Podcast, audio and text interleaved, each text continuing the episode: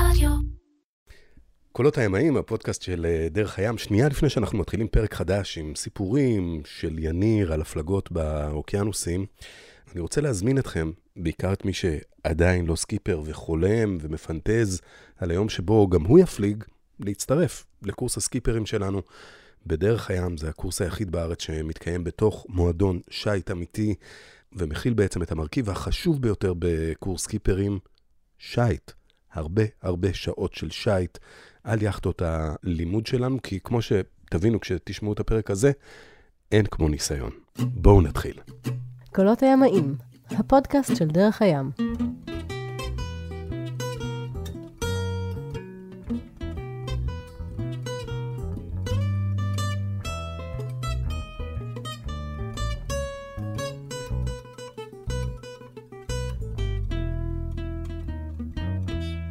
קולות הימאים, הפודקאסט של דרך הים. אה, חזרנו, שוב חזרנו, והפעם אנחנו עם סיפור של מישהו שעשה קורס קיפרים ויצא להפליג בעולם. זה באמת אחד הסיפורים הכי אה, לא הגיוניים כמעט, אה, מה גם שחלק מההפלגות האלה היו, עוד שילמו לו כדי לעשות את זה. יניר פלאם נמצא איתנו, שלום. שלום נידי. מה קורה? בסדר גמור. ואתה גם מאזין אה, ככה די ותיק של הפודקאסט, תכף אולי נדבר על זה. וגם בקצה הסיפור הזה יש איזה חיבור אקטואלי ככה למצב המלחמתי שבו אנחנו שרויים כשאנחנו מקליטים. אה, סוף דצמבר 2023, חרבות ברזל, או איך שלא קוראים היום למלחמה הזאת, אה, משתוללת אי שם בעזה ובצפון ובשטחים. ואתה גם בשירות מילואים כרגע, אז טוב שהגעת אלינו ככה באמצע, ותודה על זה. אז אה, איפה, איפה מתחילים את הסיפור שלך, יניר? קודם כל, בן כמה אתה? Um, אני בן 23. אה, מתל אביב. מתל אביב. Um, האמת שהסיפור שלי התחיל לפני בערך uh, שנתיים וחצי. התחלתי um, לעשות, רציתי לעשות רישיון לסקיפר. אימא שלי יש לה רישיון לסקיפר, ובעקבותיה אמרתי ש... אני אעשה את הרישיון אה, בגיל 20, כמו שהיא עשתה. אה, תוך כדי... אמרת לי אה, קודם שהיא אמרה משהו חמוד. כן, היא אמרה... שתעשה רישיון סקיפר או... איך? או בגיל 20 או בגיל 50, אבל לא תספיק לעשות את זה באמצע. אז אני בעצם התחלתי תוך כדי שירות קבע בצנחנים, לחפש מועדון שיכול, שאני יכול לשלב אותו עם השירות מילואים, אז עברתי ככה במועדונים פה בהרצליה, ובמקרה נתקלתי ב... כאילו גם הלכתי פה כמובן לדרך הים, אה, והמליצו לי להאזין לפודקאסט. ומאותו רגע שהתחלתי לשמוע את הפודקאסט, התאהבתי בכל הפרקים ובכל הסיפורים המדהימים שאנשים בפודקאסט הזה סיפרו. אה, ובמקרה זה גם היה לקראת השחרור שלי. בעצם אמרתי, וואלה, כאילו, אפשר לשלב את זה בטיול אחרי צבא. מהסיפור של יהב שפינגרד ועד סיפור על החבר'ה באפריקה שבנו את היאכטה של עצמם. אה, סיפור. מופלא, אני חושב שהוא לא, לא זכה למספיק תעודה. אחד המדהימים, שמעתי אותו לפחות שלוש פעמים. חבורה של חברים על אגם באפריקה, בונים סירה. לגמרי. ראית את התמונות? מדהימות, ממש. ו...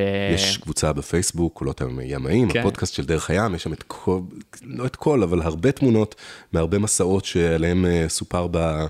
בפודקאסט הזה, וגם בפרק הזה יגיע לקבוצה הזאת, ותמונות מהמסע שלך שתכף נספר עליו. בהחלט. אז uh, נתן לי המון המון השראה, אני הייתי כזה עוד בשלב של להחליט, אני רוצה לעשות את הטיול אה, בדרום אמריקה או באוסטרליה, לא מאוד החלטתי, ואז כזה אמרתי לעצמי, בואנה, למה לא גם וגם? כאילו, אני יכול להתחיל בדרום אמריקה, לעלות על הסירה, להפליג, ואז לטייל גם באוסטרליה. אמ, שזה היה החלום, ואמרתי כאילו, בואנה, זה בדיוק מה שיהב עשה. ואיפשהו לקראת כבר אחרי שסיימתי לעשות את הקורס קיפרים, והשתחררתי והתכוננתי לקראת היציאה לטיול, אז גם נפגשתי עם יהב ו... אה, ושאלתי אותו על כל מיני התייצויות, ובדיוק על המסלול שהוא עשה, וכל מיני מקומות שהוא היה בהם. ואז גם הלכתי ודיברתי עם אה, ניב ספקטור על כל העולם ה... אה, איך בעצם מוצאים יאכטה ולהיות טרמפיסט על יאכטה, ומה אני צריך... למי שלא מכיר את, ה, את הפרקים המדוברים, או את האושיות המדוברות, אז יהב שפינרד וניב ספקטור, אה, כל אחד באוקיינוס שלו. אה, יהב הפליג מהקריבים, ואז חצה את הפסיפי, ו... וניב חצתה את האוקיינוס האטלנטי. נכון. שניהם פרקים בפודקאסט. כן, כן. אז uh, מיהב לקחתי יותר את המסלול, ומניב יותר כזה על איך למצוא טרמפ, כי לא באמת היה לי איזשהו קשר למישהו שאולי יעזור לי, והלכתי באמת להיפגש איתם.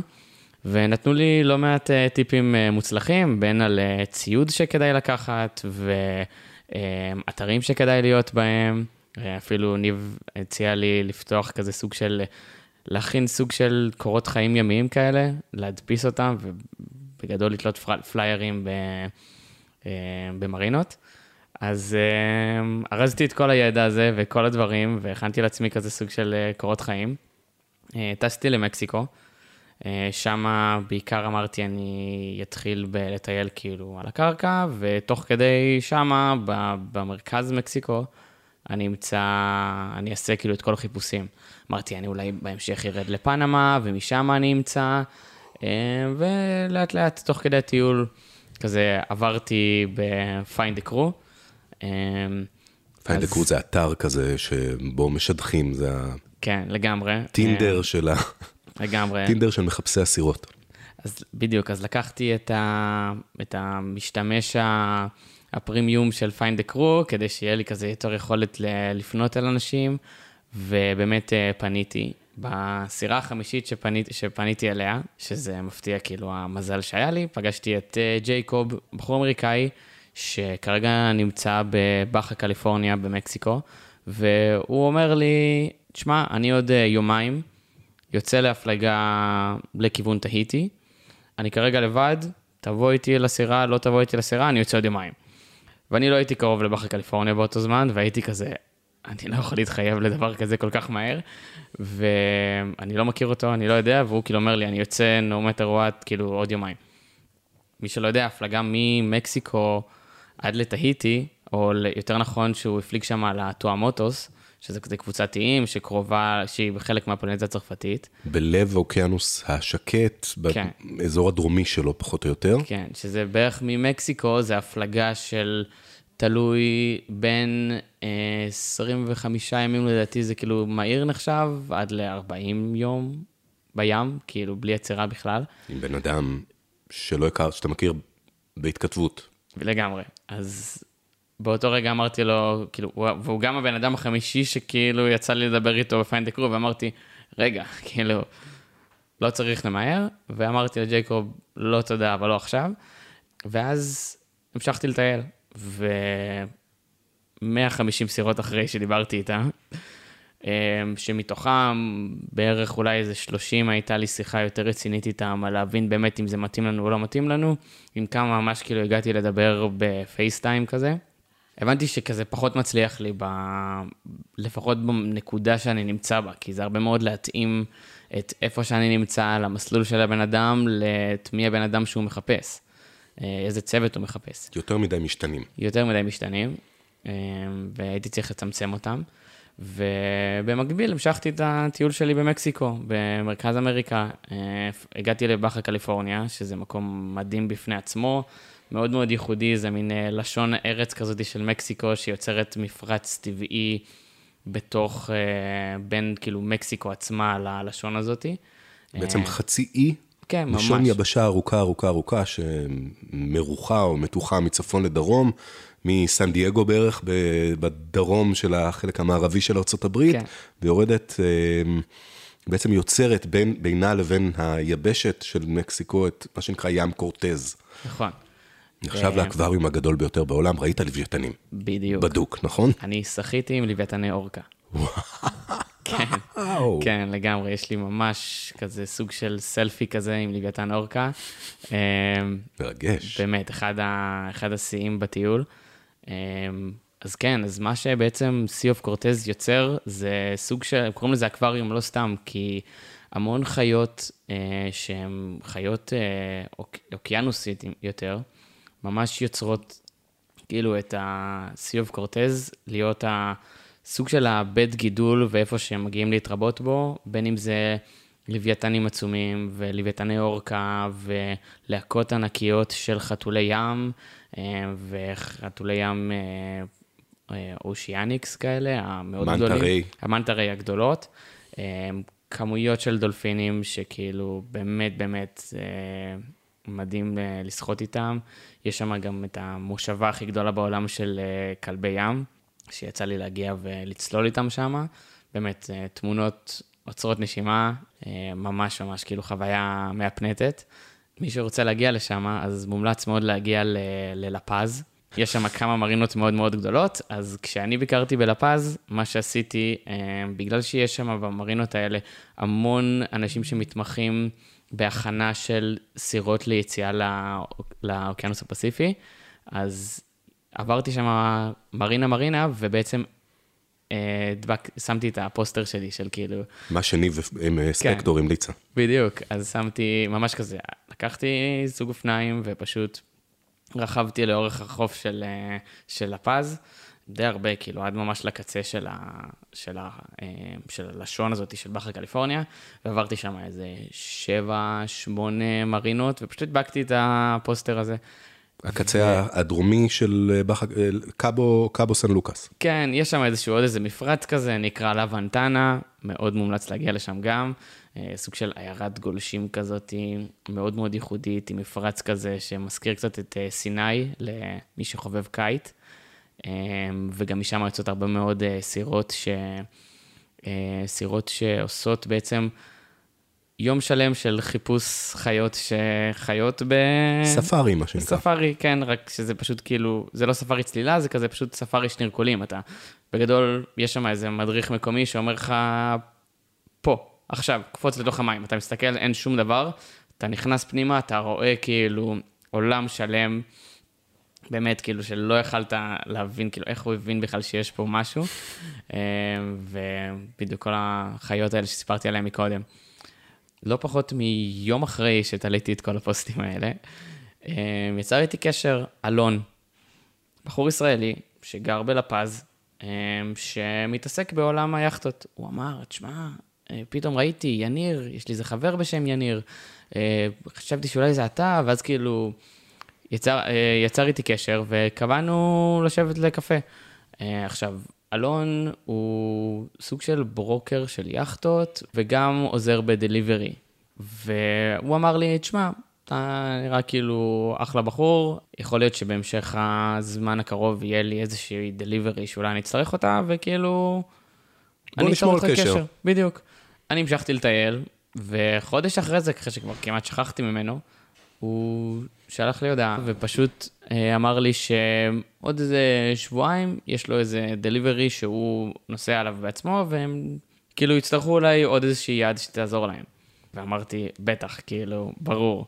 ואז גם הוא עוד אומר לי, כן, שמע, ואנחנו, וזה כמובן בתשלום, אה, אשלם לך איזה 100 ומשהו דולר ליום, אה, לא מעט כסף, כי פעם ראשונה שאני כאילו מפליג, יכול להיות מאוד שכאילו הייתי מסכים לעשות את זה גם בחינם בשלב הזה של בוגר הטיול. קורס קיפרים עם ניסיון של... לא יצא לי להפליג בשום מקום אחר חוץ מהמרינה פה בהרצליה. כאילו, לא, לא הייתי בפלוטילות יותר מדי בים תיכון או בזה, ואומרים לי, תן, תשמע, בוא נשלם לך גם כסף. ברור שהלכתי על זה. בא. כן, שילמו לי על הטיסה לשם, וזה כאילו ממש, אני איזשהו איש צוות ש... הוא, בגדול, הוא ממש פרסם אותי כ... אה, בצורה טובה. ואז נחתתי בקאבו סן לוקאס, אה, שזה לא רחוק מלפז, והגעתי לשם ואמרתי, כאילו, אוקיי, בוא נכיר אותו. אז הבעלים של הסירה קוראים לו ג'ים, ולג'ים יש סירה מאוד מיוחדת, היא ווסט סייל 43, שהיא בהרכבה עצמית, אה, שנת אה, 1975. וואו. כן. אה, סירה שכאילו הייתה כזה בחלקים, ממה שהבנתי ממנו, אה, והיא עמדה בעצם בח, בחלקים עד שנת 2001. וואו. כן, אז היה שם את ה... כאילו, ובסופו של דבר ב-2001 הרכיבו את הסירה הזאתי.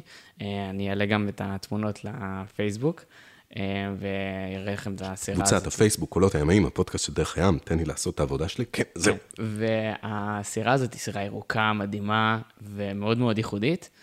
אה, ובעצם אה, אנחנו באים לצאת והיציאה קצת מתעכבת, כרגיל, מזג אוויר וכאלה. אה, ובסוף גם יצא שאלון נפצע, היה צריך לעבור איזשהו ניתוח, ובסוף הוא לא, לא עלה איתנו לסירה. ככה יצא שבעצם אני יוצא להפלגה של בסופו של דבר שלושה שבועות. שבדיע... כאילו בהתחלה אני אמרתי, אה, זה לא מרחק כזה ארוך, אז כנראה שכאילו אם אנחנו במהירות הגיונית, חישבתי, זה אמור לצאת לנו שבוע וחצי, שבועיים גג. היעד, סן דייגו. כן, נכון, אה, לא אמרתי, אז בעצם מקאבו עד לסן דייגו, בעצם להעלות את כל הלשון של באחה קליפורניה עד לקליפורניה. ואז בעצם יצאנו להפלגה, בלי אלון, לבד עם ג'ים. ג'ים, אגב, הוא הייטקיסט לשעבר שיצא לפנסיה בן 72, ככה שלא היה לנו המון נושאי שיחה משותפים, אבל אני לקחתי את זה כעבודה. בסופו של דבר, אני בא לעשות שם משמרות, בא לעזור לו לבשל, בא לעזור לתפעל את הסירה, אמ, וללמוד בעיקר, ללמוד המון ולצבור ניסיון. אז ככה שיצאנו להפלגה, והבנתי שקודם כל הסירה של ג'ים היא סירה מאוד כבדה, שלא יכולה להפליג יותר מדי מול הרוח, אם בכלל, כאילו, במקסימום לדעתי 80 מעלות לרוח, כאילו זה הכי קדמי שהיא תצליח להגיע. וואו. כן, ממש ממש גרוע. כאילו, הוא מספר לי שהוא לא מנסה בכלל קדמיות. כאילו, הוא אומר, אם יהיה לנו מזל, אה, אנחנו אה, נקבל כאילו רוחות דרומיות, אבל לא היה כזה דבר. ה-prevailing winds, הרוח השלטת באזור הזה היא רוח אה, צפון מערבית. כן, צפון-צפון מערבית. אה, ממש באה, מה- כן. כרגיל, מהיעד. מהיעד, כל הדרך, אה, ואז גם הבנתי באמת, כאילו, לא- לאורך הזמן שהפלגנו, הבנתי באמת למה גם תכלס משלמים לי על זה.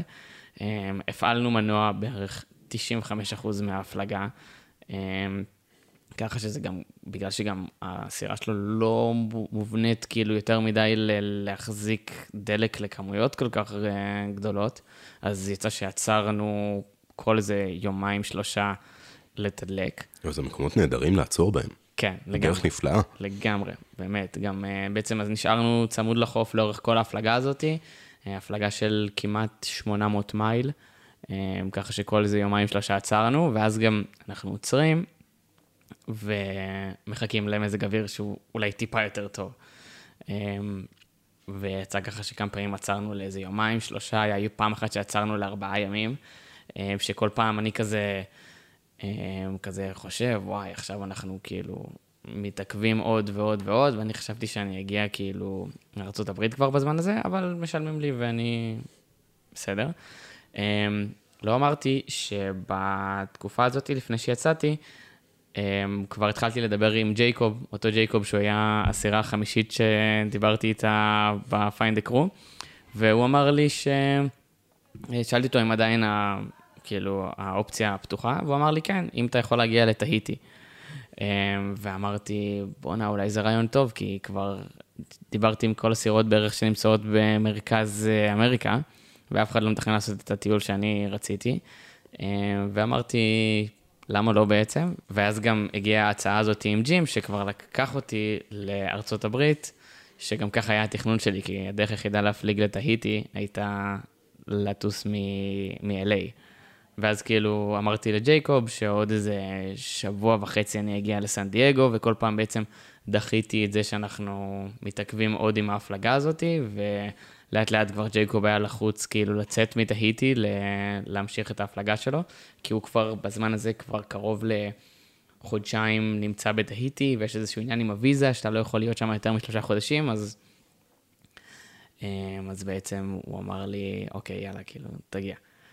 ואני כבר אה, כאילו ממשיך להפליג עם ג'ים, והגענו לכמה מקומות מעניינים, אה, בין אם זה אנסנדה, שהיינו שם בהוגוס קנטינה, שזה כזה המקום שהמציאו בו את המרגריטה. כן, כן, אז הייתי שמה. ראוי, ראוי. לציון. כן, והדבר שבאמת כאילו היה מיוחד, זה שאני בעצם חציתי את הגבול בין מקסיקו לארה"ב. אמ, פעם ראשונה שאני חוצה גבול, אגב, על סירה, שזה גם היה הזמן ים שרשמתי למשית 60. ובעצם לחצות את הגבול בין מקסיקו לארה"ב. גבול כזה שיש בלעב, יש ממנו, ממנו הרבה מאוד הברחות סמים ודברים כאלה וזה, אבל כשאתה עובר אותו על סירה אמריקאית, עם אזרח אמריקאי, זה מאוד מאוד פשוט. הם לא בדקו לנו שאין איזה שהם חומרים שאסורים להיות על הסירה, הם לא בדקו שיש אוכל או משהו על הסירה. הקלות הבלתי נסבלת. פשוט האמינו לנו. כמו שאתה נכנס לקניון במדינה זרה, ואתה אומר, לא היה מאבטח עכשיו שיסתכל לי בתיק, איך זה יכול להיות? כן. זה בערך כזה. כן, משהו כזה. אמ, ומעבר לזה, גם לא בדיקות אה, רפואיות ודברים שבדרך כלל עושים במעברי גבולות. ויצא לנו במזל לחצות את ה... בעצם להגיע לסן דייגו ב-4th of July. Hmm, כן, ממש ביום העצמאות האמריקאי. אמ, ומי שלא יודע, גם בסן דייגו יש איזה שלושה בסיסים מאוד מאוד גדולים, גם של חיל הים וגם של חיל האוויר, ובאמת הרבה הרבה מאוד סביב הצבא ב... בסן דייגו. אמ, ובעצם אנחנו נכנסים לנמל של סן דייגו עם הסירה שלנו שמתגמדת לעומת נוסעות מטוסים ענקיות שנמצאות מהצדדים שלנו, ואנחנו פשוט כאילו נפעמים מהגודל של הדברים האלה. שלא נדבר על כל הזיקוקים והמסיבות שהיו אחרי זה בסן דייגו עצמה. אה, מופע רחפני מאוד מאוד גדול ומגניב. סך הכל חוויה מדהימה. אה, היה שם עוד איזה סיפור קטן עם אה, ג'ים, שבאחד היציאות שלנו מהסירה אל הרציף, נפל לו טלפון בתוך המים שם בזה, ואני כזה, בתור uh, צוללן חופשי שיכול לרדת לרדת עוד עמוק, אמרתי, מה הבעיה, אני אלך להוציא לו את הטלפון. בכלל גם באתי להוציא לו את הטלפון יום אחרי. כאילו כבר אמרנו, טוב, הטלפון כנראה אבוד, אבל כאילו שכנעתי אותו שאני אעשה את זה, גם זה היה כזה לקראת סוף העבודה שלי אצלו, אמרתי, יהיה לי טיפ טוב, וקפצתי למים שם, קפיצה ראשונה כבר הוצאתי את הטלפון. ולמרות שהמים שם ממש ממש קרים. אכלנו ארוחה אחרונה על חשבונו כזה, והעביר את התשלום, ואני בעצם יצאתי לדרך והמשכתי לטייל. אה, שבוע לאחר מכן, אחרי שהייתי אצל משפחה ב-LA, אז טסתי לתהיטי. לפגוש את ג'ייקוב. לפגוש את ג'ייקוב. שחיכה לך. בהחלט. מה אתה אומר? כן. איזה יופי. אני כולי מתרגש, וגם כאילו לקחתי פה הימור די רציני. הטיסה לתהיטי לא זולה, ואם לא יתאים לי איתו, מה אני אעשה? נחתתי בתהיטי, לקחתי אוטובוס, הגעתי אל הסירה של ג'ייקוב, וגיליתי לי, להפתעתי, הוא גם שלח לי איזו הודעה על זה קצת לפני, שהוא, יש איתו עוד אשת צוות, קרול. היא צרפתייה. אמ, אז אני אספר קצת יותר על ג'ייקוב וקרול עכשיו. אמ, ג'ייקוב אה, אמריקאי, גרוש, יש לו שני ילדים, כבר אחרי גיל 18, אמ, לפני איזה שלוש-ארבע שנים, שלוש שנים מאז שאני הפלגתי איתו, קנה את הסירה, למד עליה, סוג של חי עליה ב-LA, אה, ואז הוא היה כבאי. כבאי כזה, בארצ... בארצות הברית זה כזה תפקיד מאוד, אה, מאוד נחשב, בעיקר ב-LA, והוא גם היה כזה סוג של ה-Navy Seals של הכבאות, כזה נקרא hot watch, שהם, מה שהם עושים זה בעצם נלחמים באש עם אש, הם באים ובעצם שורפים את השדות לפני שהשרפה מגיעה אליהם, ואז אין להם מה לשרוף, אז הן בעצם נעצרות.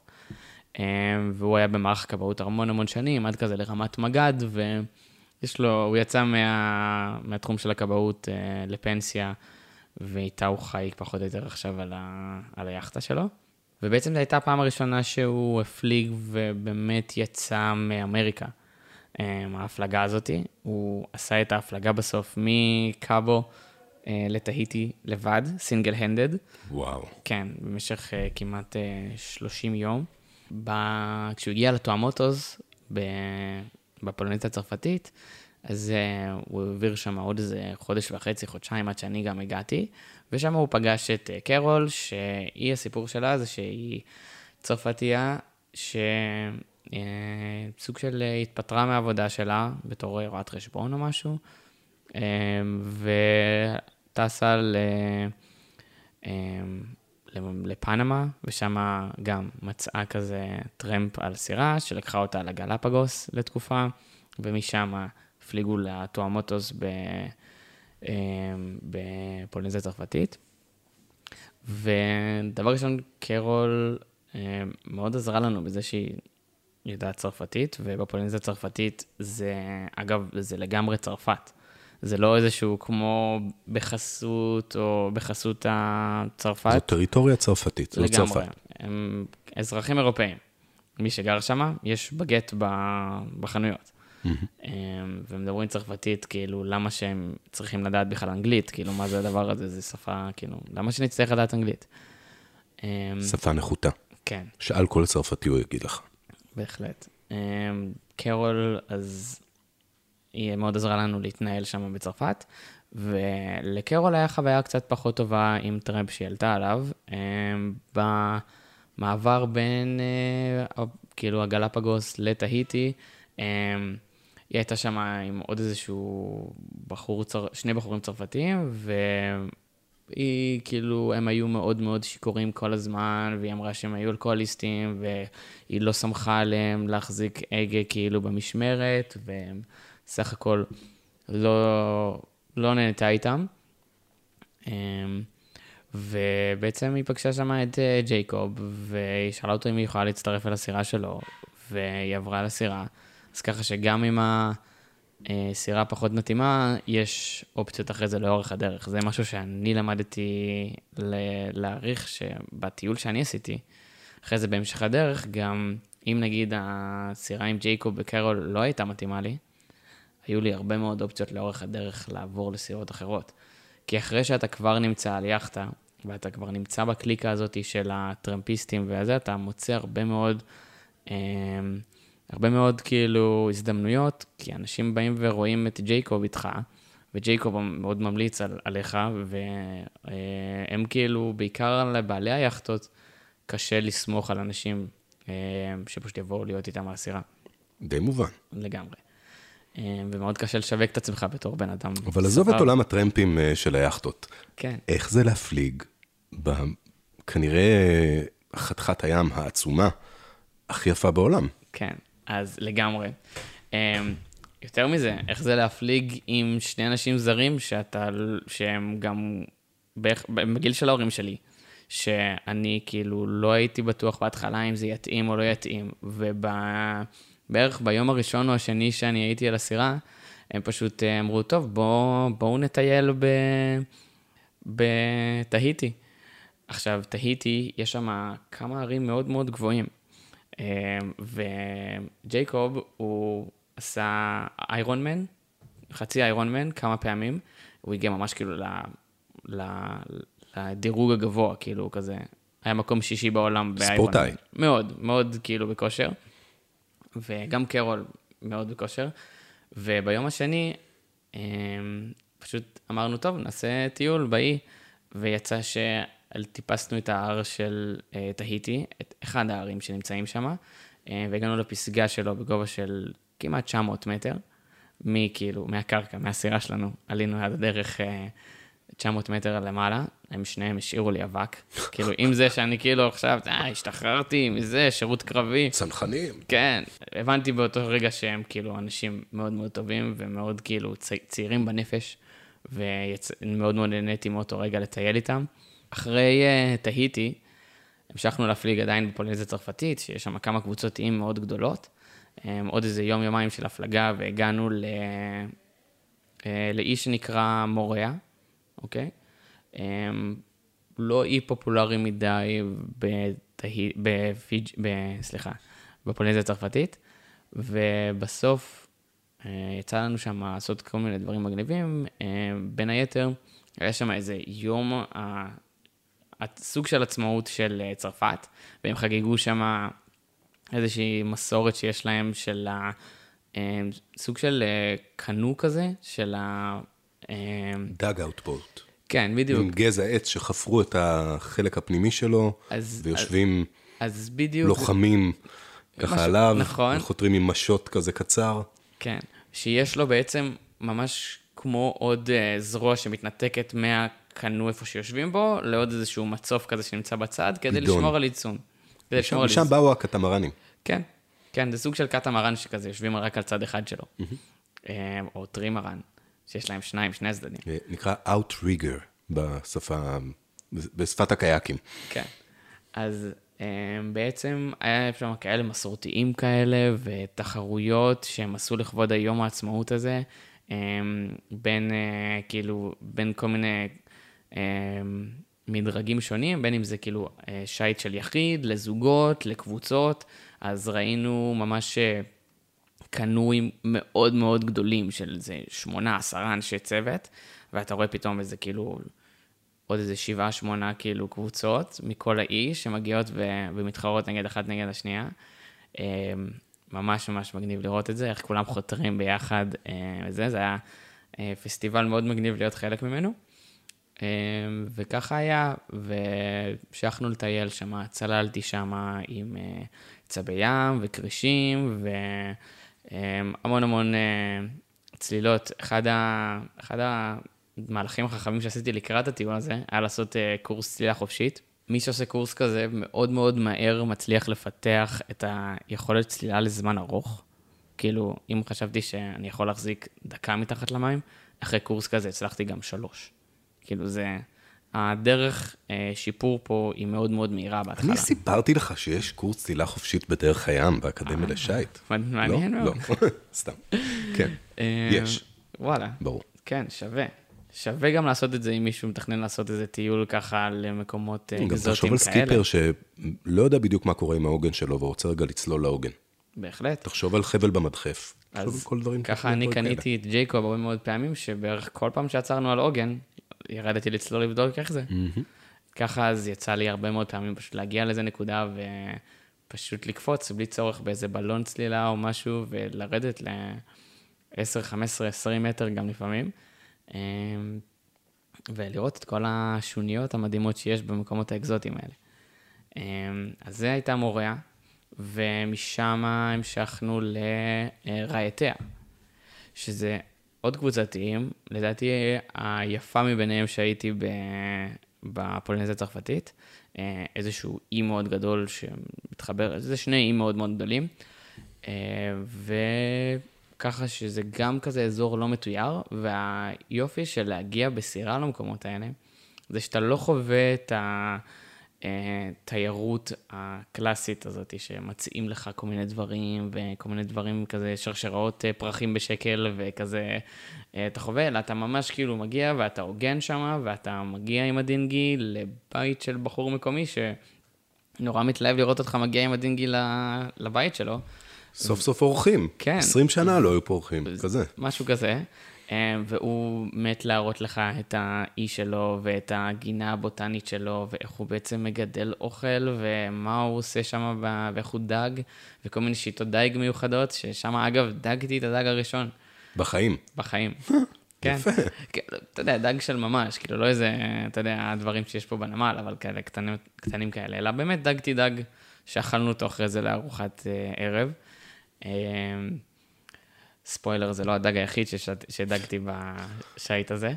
אה, ואז המשכתי, אה, המשכנו שם לטייל וראינו כל מיני מקומות מדהימים אה, עם המקומי הזה, אה, וסיפורים מעניינים שהוא סיפר לנו. אה, משם החלטנו להתארגן קצת יותר לקראת אה, יציאה מהפולינזיה הצרפתית, כי הבנו שאנחנו צריכים לעשות את כל הטופסיאדה והדברים האלה שמה, כי מפה כבר היעדים האחרים, אין שם יותר מדי יכולת לעשות את זה. אה, אז התארגנו כל הדברים שהיה צריך, והפעם באמת עשיתי מעבר גבול כזה קצת יותר רשמי, כשאני קצת הבנתי את כל הדברים שכרוכים בלעבור גבול. אה, והצטיידנו לדרך להפלגה יותר ארוכה, כי הבנו שאנחנו יוצאים מהפולנזיה הצרפתית, אה, ולא בטוח שנעצור באיי קוק, אה, ואנחנו, היעד הבא, באמת שאנחנו נגיע אליו, זה יהיה כנראה נועה או סומואה. אמרנו, זה פחות או יותר שני המקומות האלה, זה או הפלגה של אה, משהו כמו 120 מייל, אה, הפלגה, לא, בעצם אפילו יותר, אזור ה-400-500 מייל אה, של הפלגה בים פתוח, אה, והתארגנו לזה. התארגנו, ובסוף החצייה הזאת הייתה משהו כמו 11 ימים שלא עצרנו באי, באמת, לש, כאילו, לעגון, לישון. ו... אבל לפני שיצאנו להפלגה הזאת, עברנו בבורה בורה. כן, המפורסמת, בפולינזיה הצרפתית, ש... לא רוצה להרוס לכל האנשים שמתכננים להגיע לבורה בורה, אבל... אה, אין מה לראות שם. יש מה לראות שם. אה, אוקיי. בעיקר אם אתה מגיע להיות אה, כזה בכל הריזורטים המיוחדים האלה, שהם כזה צפים מעל המים וזה, אבל כיכטונר שהיה שם עם היאכטה, אמרתי, בואנה, רהטיה ומוריה היו יותר מעניינות. אוקיי. כן. פשוט בבורה בורה יש שדה תעופה. כן, כן, יש. יש, יש שם כמה, על כמה איים שם יש שם שדות תעופה. פשוט, לדעתי, מה שמייחד את בורה בורה זה שיש שם בעיקר כזה את כל הריזורטים האלה, שהם מאוד מצולמים כזה בעולם ומאוד מפרסמים אותם, והם יקרים בטירוף. אז יצא לי להיות בבורה בורה בלי לשלם שקל. כן, כי באמת לא היה לנו שום הוצאות שם. וכן, יצא לי לחוות את כל המקומות האלה וכל הנופים והצבעים של המים. מה שכן היה מיוחד בבורה בורה זה שבאמת היה לך את כל הקשת של צבעי הכחול של המים שהם מציעים. וזהו, היינו שם איזה יומיים, לא מאוד התעניינו באי המאוד אה, אקסטרה מתויר הזה. ויקר. ויקר. אה, שאלה, אתם בדרך של ככה כמה מאות מיילים ימיים, אמרת? כן. איך אה, מתבצעת שגרת הפלגה, משמרות, כשיש שלושה אנשים על הסירה? כן. אמ, אז ככה שאנחנו בעצם עושים שלוש משמרות בלילה, כל אחד עושה משמרת אחת של ארבע שעות, אז או של המשמרת הראשונה, או אמצעית, או של הבוקר המוקדם. אמ, וככה יוצא שבדרך כלל הבן אדם שישן את ה... שעשה את המשמרת הראשונה, כאילו ישן כזה את הלילה הכי, הכי נוח, גם עשה את הארוחת בוקר. אמ, וזה יצא כזאת, יצא כזה סבב כזה, כל יום מישהו אחר כאילו עושה את המשמרת הבאה בתור. אמ, וככה ככה הפלגנו, ככה גם כל מיני הסכמים כאלה שאומרים, טוב, אז אה, אני בישלתי, אז אני לא שוטף כלים, או אני לא שטפתי כלים או בישלתי, אז אני אעשה את ארוחת צהריים. זה כזה כללים שקבענו לעצמנו. אמ, ובמהלך היום המשמרת היא כזה, לא ב... כאילו, תמיד יש מישהו למעלה, אבל זה לא כזה קבוע. רק משעה שמונה בערב עד אה, שמונה בבוקר יש משמרת. יש ממש משמרות קבועות. אמ, אז כן, זה ממש על מי מנוחות, נשמע כן. שהצוות טוב, ההפלגה טובה מן הסתם, כן, רוחות כל הזמן בגב. ממש סבבה, רוחות מעולות. אמ, גם יצא לי אשכרה להפריס בפולינזיה הצרפתית סוף סוף, אחרי שבמקסיקו בכלל להבדיל. לא היינו על מנוע כמעט כל הזמן. ויצאנו לעשות כל מיני דברים מיוחדים. אה, בין אם זה לפרוס חכות מאחורי הסירה ולנסות לדוג כאילו דגים גדולים, אה, דגים כאילו של אוקיינוס. פלאגיים. אוקיי. אה, ואנחנו הפלגנו ככה בין האיים שדיברתי עליהם עד עכשיו, בין הפלגת חוצת לילה לשני ימים ביניהם, ככה שיצא לי לח- לחוות איתם כבר קצת זמן ים, ואמרתי, אוקיי, טוב לי, אני סבבה מאוד עם האנשים האלה, יש אווירה טובה, אה, אנחנו מטיילים ביחד מאוד בכיף, הם כזה סוג של אימצו אותי כזה, ו... אתה יודע, אווירה, יש אלכוהול, יש זה, ו... כן, שותים תוך כדי, כן, אז כן, זה גם במתינות. משהו שהוא גם היה לי שונה ממה שהיה ב- במקסיקו. כן, ג'ייקוב אפשר לשתות על הסירה, גם שתינו לא מעט. אה, כאילו, עם זה שאני כולי בן אה, 23 בשיא, ה- אתה יודע, שיא הצעירות של החיים, כאילו, הם שתו גם לא מעט, וכאילו, גם שם לפעמים אני כזה הייתי זה שהיה צריך להאט. אה, כן, הם יש להם סגנון חיים מאוד מאוד... אה, הם השאירו לך אבק גם בשתייה, כן. בקיצור. הבנתי, כן. יופי. אה, ו... אין כמו ניסיון בים, אין כמו לגמרי, ניסיון. לגמרי. אגב, ניסיון, הזכרתי עכשיו, שלא אמרתי בהפלגה עם ג'ים, אני בצורה מאוד אה, יהירה, אמרתי, בטח, כאילו, פעם ראשונה שלי שאני מפליג, אה, ברור שגם אני אנסה לבשל פעם ראשונה על הסירה, ביום הראשון של ההפלגה, אה, ואני אכין שקשוקה. כי זה כל מה שישראלי מכין, כאילו, כשהוא מגיע לסירה. אה, בדקתי את זה, כולם עושים שקשוקה. אוקיי, אני סומך עליך. אמ, אז כן, אז הכנתי שקשוקה. אני כזה, הים לא היה כל כך מתאים להכין שקשוקה, ולא כל כך הכרתי את ה... את ה... איך זה לבשל על הסירה. ובסוף כאילו, הכנתי שקשוקה, ואיפשהו אחרי שכבר הכנתי, כבר איבדתי את התיאבון. אז בעיקר ג'ים אכל מהשקשוקה הזאתי. הוא מאוד נהנה ממנה, עד שהים כבר נהיה קצת יותר גבוה. הוא החליט שגם נפטון רוצה ליהנות מהשקשוקה שלי. אמ, אבל סך הכל היה מאוד, אה, מאוד סבבה בהפלגות עם ג'ים. אמ, הוא לא היה טבח בכלל, כאילו, ואני כזה עשיתי את רוב, ה, רוב הבישולים על הסירה. בצורה מפתיעה זה היה לי מאוד מאוד פשוט, כאילו, למרות שלא היה לי שום ניסיון עם זה, הסתדרתי. היום אתה כבר יודע. היום אני כבר יודע, בהחלט. אז עד כאן הפרק הראשון בסיפור של אה, יניר, פלאם, שסיים קורס קיפרים ופשוט יצא להפליג בעולם. אנחנו נמשיך עם הסיפור שלו בפרק הבא.